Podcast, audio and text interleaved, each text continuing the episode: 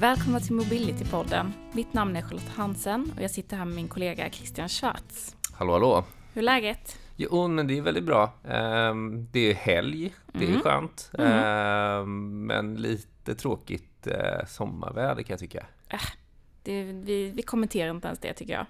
Ja, nej det är, det är lite varmare än sist vi spelade in i alla fall. Absolut, men det Mm. regnade sist också skulle jag vilja minnas. Det var väl där vid Valborg någonstans. Mm, då var det riktigt ruskigt. Mm. Så det är bättre idag. Mm. Hur är det själv? Jo men jag tycker det är fint. Det är lite som du säger, det är väldigt lugnt och skönt här inne på kontoret nu när vi spelar in här idag. Mm, behöver inte vara orolig att det ska komma in en massa spring och tjo och tjim på, Nej. på mickarna. Ja, det är härligt. Mm. Vad ska vi prata om idag? Idag ska vi prata om eh, någonting vi har gått och väntat på ganska länge. Vi ska prata om eh, förslaget till ny lagstiftning rörande ett ekonomiskt arbetsgivarbegrepp. Mm. Och den här har ju då äntligen kommit. Den har ju varit på G ganska länge. Mm, jag skulle säga att de är nog ganska trötta på mig på regeringskansliet. Du har inte trakasserat dem? eh, Inte trakasserat Christian, det vill jag ändå säga att jag inte har gjort. Nej, okej, det är inget vi erkänner i vart fall i podden. Nej, jag kan ha ringt en gång i veckan och frågat hur går det med det här? Ja, När släpps den? Mm. Ja, det är milda trakasserier får man säga i så fall. Det tycker jag i så fall. Mm. I så fall. Ja, nej, vad, ehm, vad är det vi brukar säga här i podden? Vi brukar väl säga att den innehåller ingen faktisk rådgivning utan enbart allmän information. Mm, och vill man ha rådgivning och sådär så är man ju jättevälkommen att kontakta oss på mobilitypodden at deloitte.se. Precis. Mm. Men vi drar väl igång? Men det tycker jag. Ehm, och det här lagförslaget då, ehm, det hade ju på något sätt sin upprinning i, under mitten av 2017. Mm. Men sen var det väl också att när regeringen väl överlämnade förslaget så fick det lite kritik av lagrådet, eller hur? Mm, det har ju varit precis ute på remiss eh, hos lagrådet och eh, övriga remissinstanser och sen så har man även kommit med kompletterande förslag och sen så har man berett förslaget ytterligare en gång innan då proposition har lämnats till riksdagen som nu gjordes här i mitten på juni. Mm. Men bara för att ge en liten tillbakablick så har man ju tidigare diskuterat att man skulle ha lite undantagsregler för till exempel personal som em, reser mellan koncerner och jobbar. Just det. Em, och, och nu har man ju ändrat det senaste förslaget. Det, det ser inte riktigt likadant ut som, som tidigare.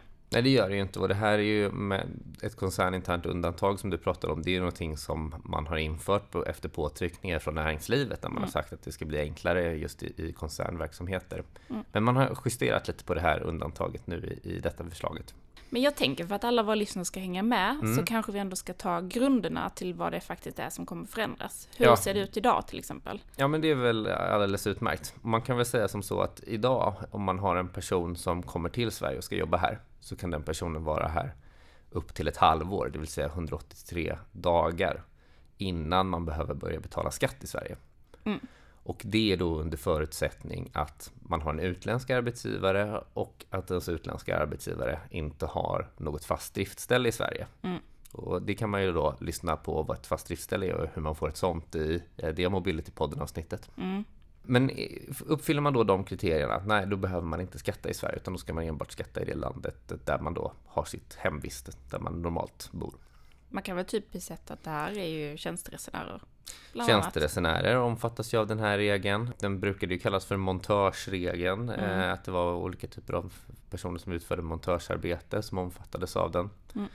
Idag vet jag inte man, vilka som omfattas mest. Kanske som du säger, tjänsteresenärer är kanske de som, som faller in under den mest, liksom, om man ska ta en, en, en grupp av anställda. Mm. Men eh, det som man säger nu då, det är ju att man ska förändra hur man då bedömer det andra kriteriet här, det vill säga vem som är arbetsgivare. För att man, har ett krav på att det ska vara en utländsk arbetsgivare och nu så ska man då titta, kan det finnas någon arbetsgivare i Sverige? Mm.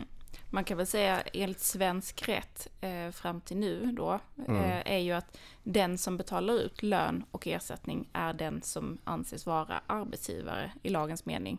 Så är det. Och det är ju det man kallar för den formella arbetsgivaren. Precis, och, och så är tanken att det ska fortfarande vara definitionen av arbetsgivare ska inte ändras utan det är fortfarande den som betalar ut lön och ersättning för arbete som har liksom arbetsgivarskyldigheter i form av eh, att innehålla preliminärskatt och rapportera sociala avgifter och så vidare. Va? Mm. Men i förhållande till den här regeln då, 183 dagars regeln, så ska man då titta om det föreligger en uthyrningssituation som man då säger. Mm. Och det föreligger då om eh, den formella arbetsgivaren eh, ställer då arbetstagaren till förfogande eller hyr ut denna till den person man kallar då för uppdragsgivaren eller då den ekonomiska arbetsgivaren. Det ska alltså finnas tre parter. Det ska finnas en formell arbetsgivare i utlandet, en arbetstagare och en uppdragsgivare i Sverige då. Precis, då eh, landar man i den situationen, eller då kan man landa i den situationen att det finns en ekonomisk arbetsgivare i Sverige mm. eh, och att man då helt enkelt inte uppfyller reglerna som ställs upp i 183 dagars regeln och att man då helt enkelt får skatta i Sverige. Det här är ju någonting som kommer utöka den svenska skattebasen, spår man ju. Ja, det, det, får man väl ändå säga för att det, det, är ju fler personer som kommer bli skattskyldiga i Sverige. Så, så det gör det ju, absolut. Sen så ska man göra då bedömningen av hur, hur någon är, eh, huruvida det finns en ekonomisk arbetsgivare. Och den är ju lite luddig kan man ju säga. Eh, den, det kommer ju från OECDs skatteavtal. Det här är en bestämmelse som finns både då i den svenska SINK-lagstiftningen men också i de skatteavtal som Sverige har ingått med andra länder. Mm. Och man säger då från regeringens sida att vi ska titta på de kriterier som OECD har ställt upp när man ska bedöma om det finns en ekonomisk arbetsgivare.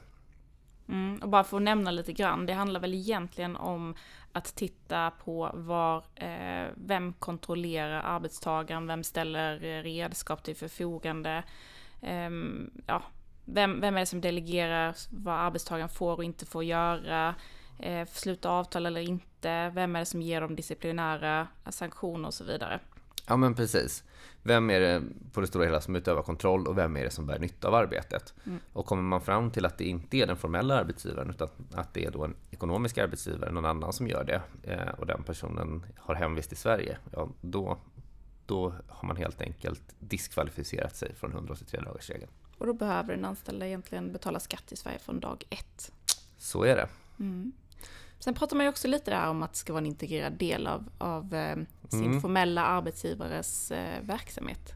Precis, och det kan man ju tänka sig att när man tittar på de här reglerna så säger man att det arbetet som man då utför ska ju då man titta på, är det en integrerad del av det arbetet som ens formella arbetsgivare utför och är det en integrerad del av det arbetet som då den här potentiella ekonomiska arbetsgivaren utför. Mm. Och är det en integrerad del av den, den potentiella ekonomiska arbetsgivarens verksamhet, ja då lutar det ju åt att den också är ens ekonomiska arbetsgivare. Mm. Jag tänker vi kan eh, berätta lite om eh, ett exempel som de faktiskt tar upp i propositionen. Mm. Jag tänker om vi har ett moderbolag i Frankrike som ska skicka en VD och en ekonomichef på fem månaders arbete i Sverige för ett dotterbolag. Mm. Och då ska man ju göra den här analysen. Precis.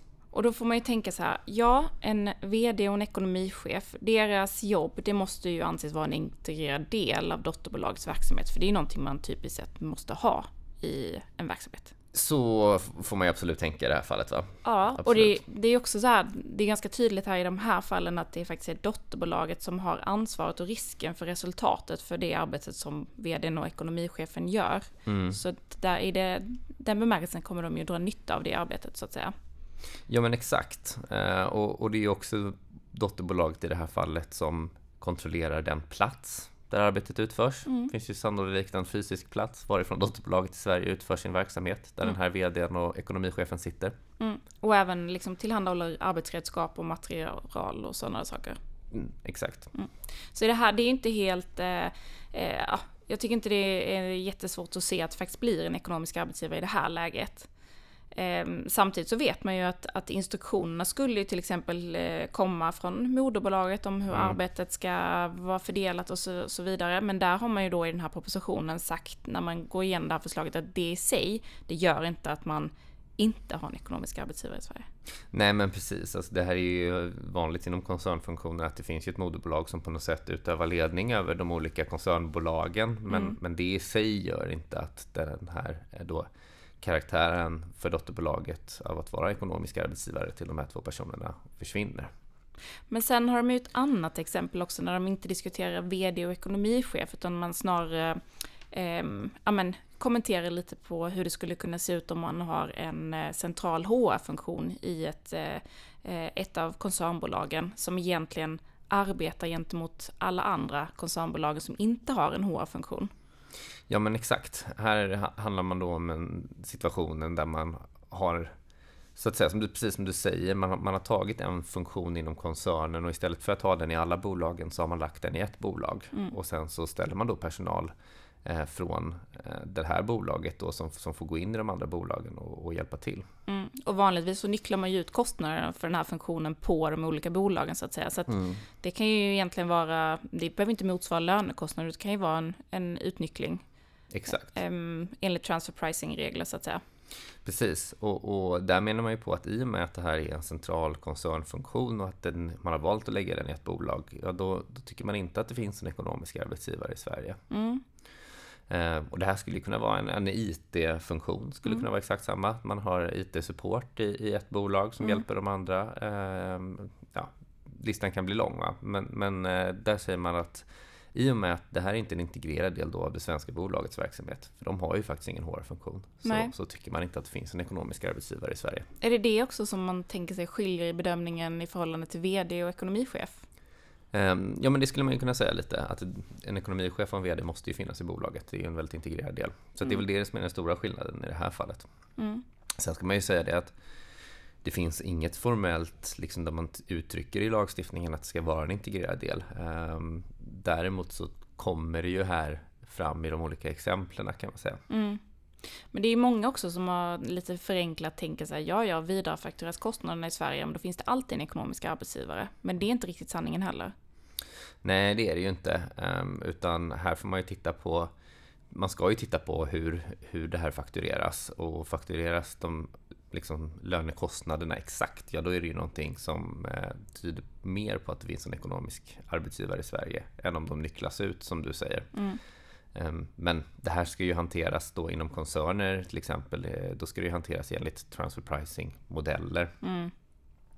Så att eh, man säger inte så mycket mer om det från regeringens sida utan mer att man ska följa då den här transfer pricing-modellen då som man helt enkelt har valt. Ja, nej, det är som sagt, det, det kommer nog inte vara helt lätt att göra de här bedömningarna. Vi får väl lite se hur tillämpningen ska gå till. Men man kan ju konstatera att i andra länder har man ju infört till exempel ekonomiska arbetsgivarbegreppet i förhållande till sin lagstiftning. Där man kanske är mer van att göra den här typen av bedömningar utifrån deras lagstiftning så att säga. Precis, det här är ju jättevanligt om man tittar ja, men runt om i världen egentligen. Sverige är väl egentligen rätt alltså, unikt på det sättet att vi inte har haft det förrän nu. Mm. Jag tror att Finland har också legala arbetsgivarbegreppet. Det är väl lite... Ja, men det är Speciellt. vi två här uppe i norr då som, eh, som fortfarande tragglar med det formella. Och vi vet ju hur lätt det är att bli skattskyldiga i Norge. Det har vi ju varit och intervjuat vår eh, kära kollega i Norge om ett Precis. tidigare mobility-avsnitt. De har supermycket ekonomiskt arbetsgivarbegrepp. Ja, men man kan väl säga också det som är intressant i det här förslaget, det är att man också ehm, in, eller för, föreslår att man ska eh, ha ett undantag för när man egentligen inte blir skattskyldig i Sverige i alla fall. Mm, precis. Och det är lite speciellt för det här, det kommer inte längre föreslås att bara gälla för koncerninterna eh, förflyttningar kan man väl säga, utan det gäller alla egentligen.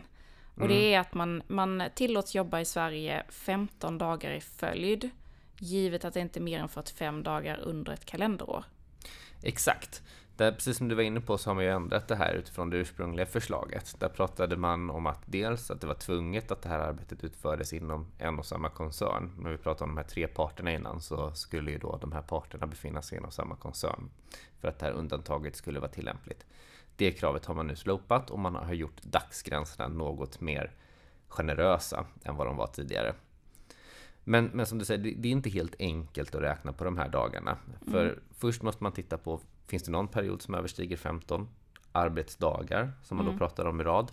Ehm, så att det räcker inte med att man har varit ledig emellan, utan du måste ha utfört arbete emellan eh, för att bryta en sån här 15 dagars period. Det kan till exempel vara att man har varit tillbaks i sitt hemland och över helgen eh, och kommer tillbaks på måndagen. Det är inte att bryta ett arbete i Sverige till Nej, exempel. det har man inte brutit. Nej. Men om man har jobbat över helgen i sitt hemland, då har man brutit. Mm. Så att när man på något sätt eh, först och främst har då kommit fram till att det finns inte någon period som överstiger 15 arbetsdagar i följd, Men då kan man gå vidare och titta på okej, totalt sett under ett kalenderår då, går vi över 45 dagar totalt sett? Och gör vi då inte det heller, nej, då behöver vi inte göra den här bedömningen om det finns en ekonomisk arbetsgivare. Då har vi uppfyllt undantaget helt enkelt.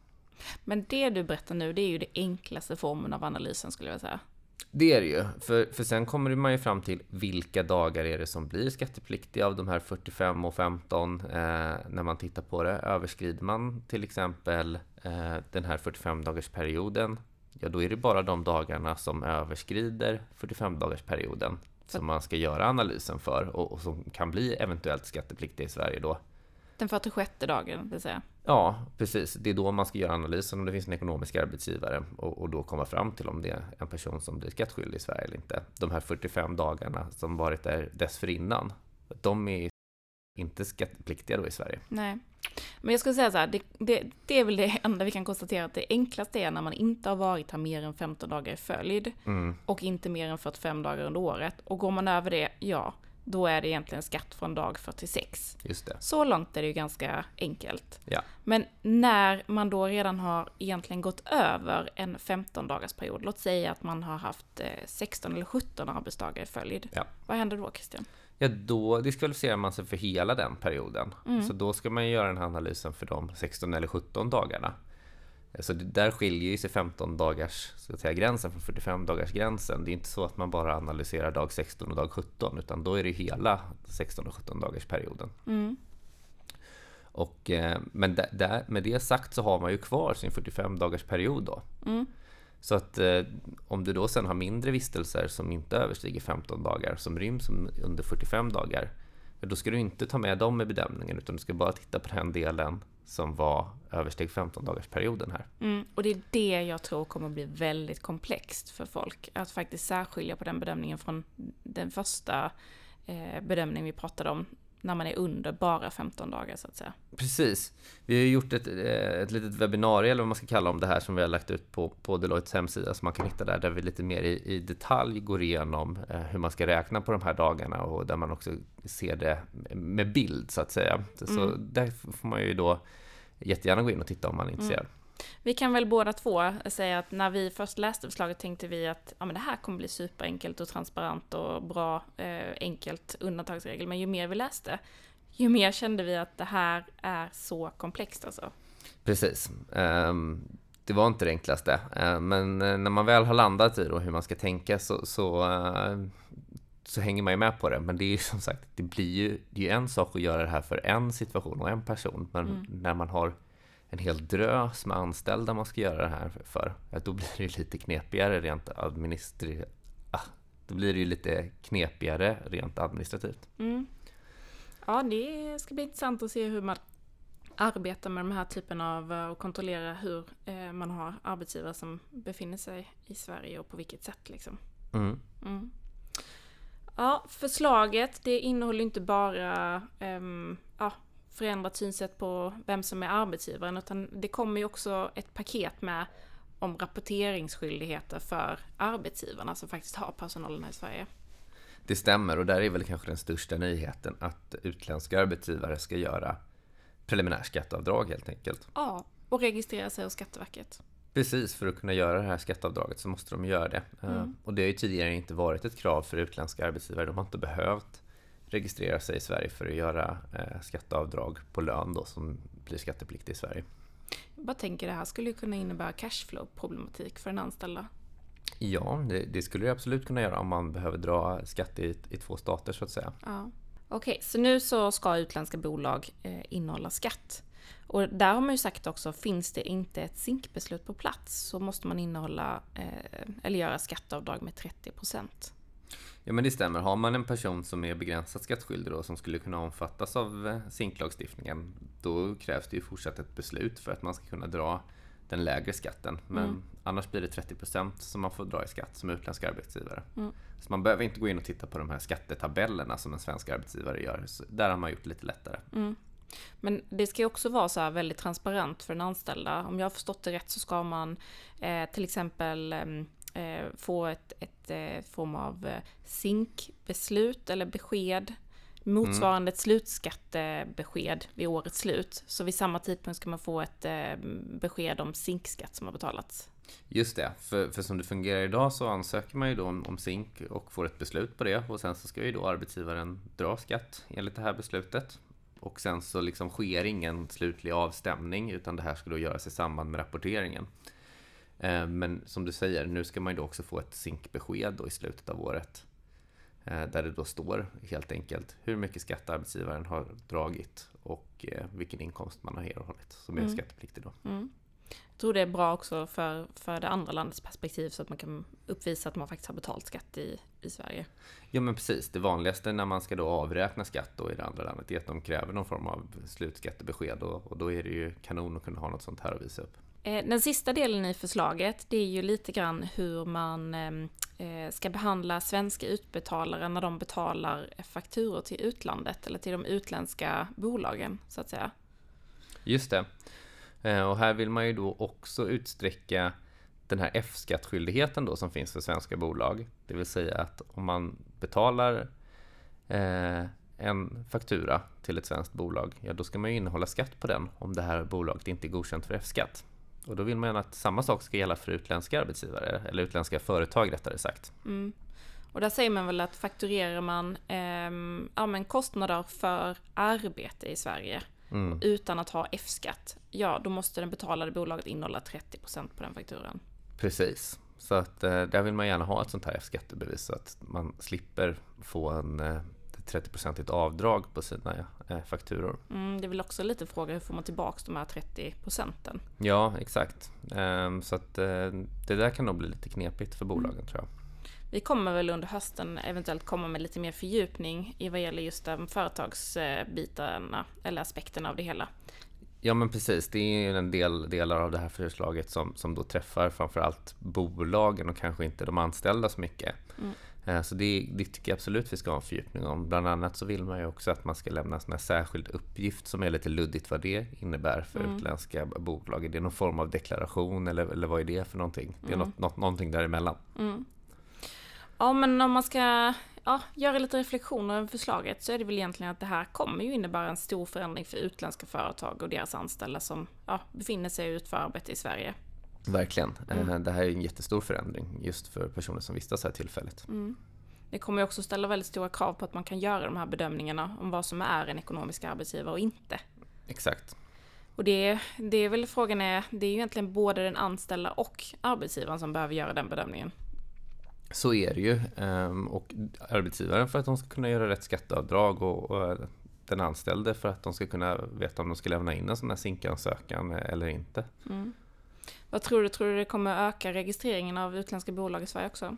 Det bör det ju göra, för annars kan de ju inte göra skatteavdraget. Och om vi tänker att fler personer blir skattskyldiga här, då borde fler bolag behöva registrera sig. Det borde gå hand i hand. Mm, ja, men såklart. Ja, det ska bli intressant att se hur man faktiskt tacklar sin personal eh, som man har resande in i Sverige.